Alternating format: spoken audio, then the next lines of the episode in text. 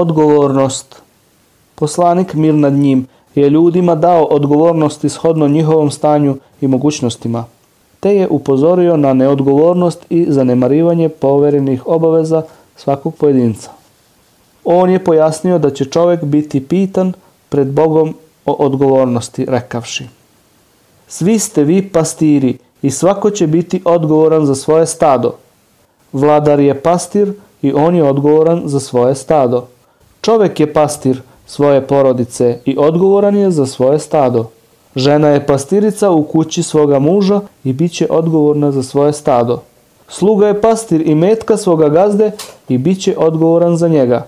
Svi ste vi pastiri i svi će biti pitani za svoje stado.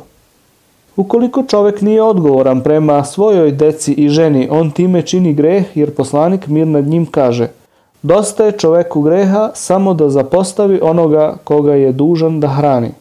Jednom prilikom je poslanik mir nad njim rekao Sadu ibn Vekasu Bolje ti je da ostaviš svoje naslednike bogate nego siromašne pa da traže od ljudi.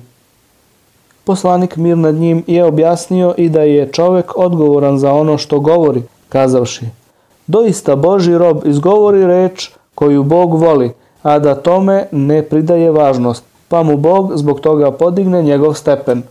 I doista Boži rob izgovori reč koja Boga razljuti i da joj ne pridaje važnost pa ga ona odvede u pakao. Također je pojasnio da je svako odgovoran za ono što radi rekavši Kome damo neki posao i nadnicu za njega, a on uzme više od toga, takav je kradljivac. Također je kazao, šta je sa radnikom kome damo posao pa nam on dođe i kaže, ovo je od posla koji ste mi dali, a ovo sam dobio na poklon. A da je sedeo u kući svoga oca i majke, da li bi to dobio na poklon?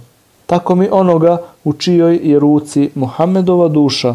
Kogod nešto od toga utaji, doći će na sudnjem danu noseći to na vratu.